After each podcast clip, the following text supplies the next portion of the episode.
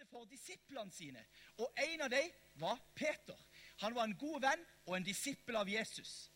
Og han jobba som fisker. Er det noen her som vet hva en fisker er? Ja, noen. De jobber med å skaffe fisk fra havet. De har med seg fiskestang eller garn eller forskjellige redskaper som de får fisk opp fra havet og inn i båten. Og når Jesus kom og møtte Peter, så sa han, 'Kom og følg meg, så skal jeg gjøre deg til en menneskefisker.' Altså, du skal ikke lenger fange fisk, men du skal vinne mennesket for meg. Så fulgte Peter Jesus i tre år. Og så døde Jesus på et kors. Og de fleste tror at når Jesus døde på korset, så var ikke Peter der. Han var en annen plass. Og det var fordi at rett før Jesus døde, så sa Jesus til Peter du kommer til å nekte for at du kjente meg. Så sa Peter nei! Det skal jeg i hvert fall ikke gjøre! Om så jeg må dø for deg, Jesus, så skal jeg gjøre det. Men når han ble spurt du Peter, kjente du Jesus, så sa han nei, jeg har aldri sett den mannen før. Tre ganger sa han nei, jeg kjente ikke Jesus. Og så hadde han vært en av bestevennene til Jesus i tre år. Og når noen spurte kjenner du Jesus, så sa han nei, han har jeg aldri sett før. Hadde ikke du blitt litt lei deg hvis bestevennen din sa at han ikke kjente deg? Og Peter han ble veldig lei seg fordi at han hadde svikta sin beste venn. Så det som skjer, som vi kan lese om i ei bok som heter Johannesevangeliet, i det siste kapittelet der, kapittel 21, der står det at Peter han hadde gått tilbake igjen til å fiske fisk. Han hadde sluttet, han, kanskje, han hadde gitt opp det der menneskefiskegreia. Han var ute og fiska igjen. Han hadde gått tilbake igjen til sitt gamle liv.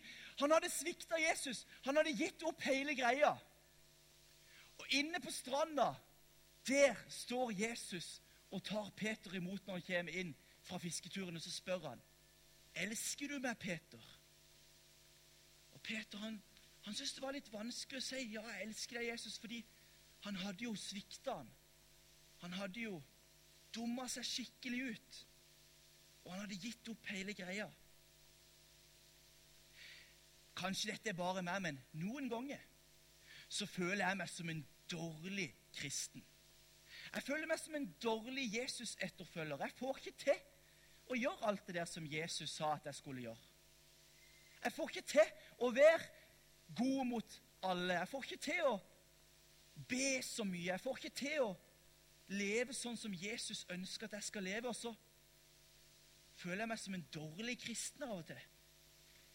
Og noen ganger så har jeg tenkt nå tror jeg jeg gir opp hele greia. Nå tror jeg jeg gir opp hele det Jesus-greia. Kanskje det er flere her inne som har følt det sånn. Men vet dere hva? Jeg tror at selv om jeg gir opp, selv om jeg ikke får ting til, så tror jeg at vi har en Gud som ikke gir oss opp. Han er trofast. Han er den samme til evig tid.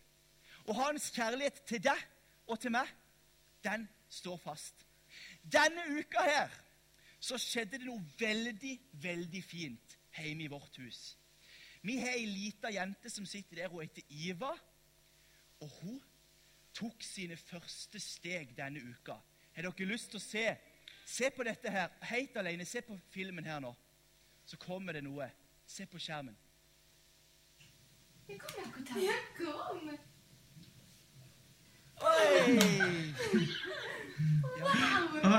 Applaus. Tror dere at jeg har tall på hvor mange ganger hun har falt? For å si det sånn, her viste jeg bare ett av kanskje tusen forsøk.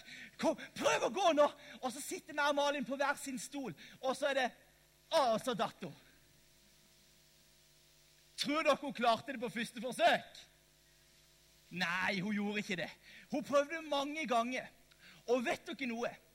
Jeg tror at Gud er en sånn pappa som jeg var for Ivar når det gjaldt det å gå. Jeg tror ikke han teller hvor mange ganger meg og det er dette, men jeg tror han teller de gangene som vi klarer å ta et par steg.